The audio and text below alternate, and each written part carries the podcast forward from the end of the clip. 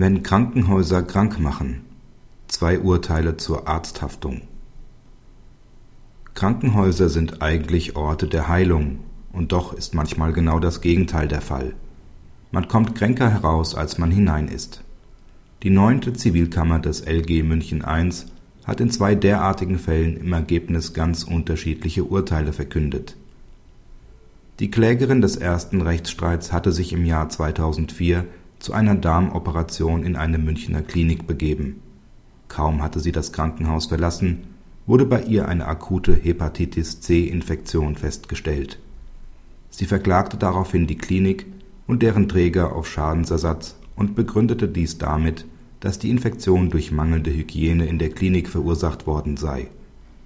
Nach dem Gutachten des gerichtlich bestellten Sachverständigen hatte sich die Klägerin tatsächlich in der Klinik infiziert Gleichwohl sah das Gericht kein schuldhaftes Fehlverhalten der Klinik.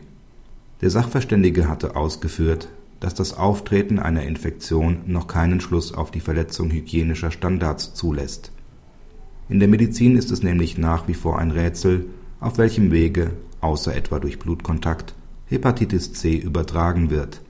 Auch in diesem Fall konnte der Übertragungsweg nicht geklärt werden. Das Gericht konnte angesichts dessen auch nicht feststellen dass das Infektionsrisiko für die Klinik voll beherrschbar war. Insbesondere ergab eine vom Gericht bei den Gesundheitsbehörden eingeholte Auskunft keine Anhaltspunkte für eine Infektion beim Krankenhauspersonal. Die Kammer wies die Klage daher ab. In dem anderen Rechtsstreit hatte der mittlerweile verstorbene Sohn des Klägers eine Münchner Klinik wegen einer HNO-Operation aufgesucht die Operation war fast beendet, als der Patient zur postoperativen Schmerzausschaltung ein Medikament gespritzt bekam, was zu einer Tragödie führte. Der bekanntermaßen an Asthma leidende Patient reagierte auf das Medikament mit einem Bronchospasmus. Das Gehirn des Patienten wurde für einige Minuten nur unzureichend mit Sauerstoff versorgt. Zwar besserte sich der Zustand des Patienten zunächst, er blieb aber auch im Aufwachraum bewusstlos und erlitt letztlich einen Hirnschlag. Unklar ist, was im Verlauf einer ganzen Stunde im Aufwachraum passierte. Es fehlt jedwede Aufzeichnung für diesen Zeitraum.